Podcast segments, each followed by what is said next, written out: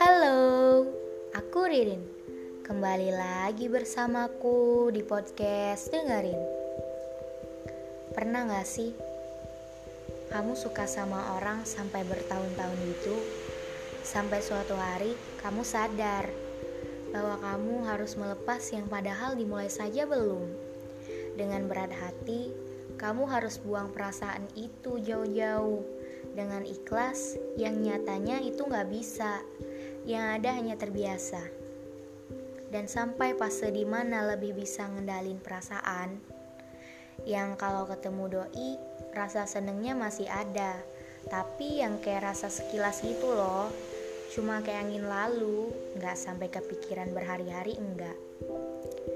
Dan satu lagi, pernah gak sih kamu ngerasain perasaan random gini yang anehnya, siangnya biasa aja, tapi kalau malam udah kayak anak bucin banget gitu.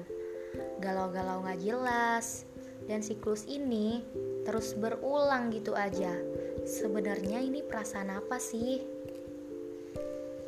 Hmm.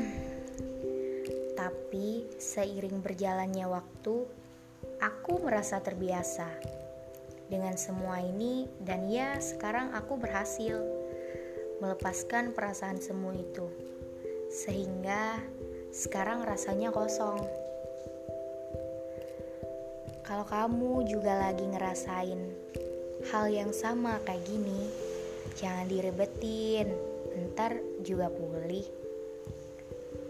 Karena ada banyak hal yang lebih penting dari ini. Semoga setelah kamu dengerin ini, kamu ngerasa lebih baik lagi ya. See you.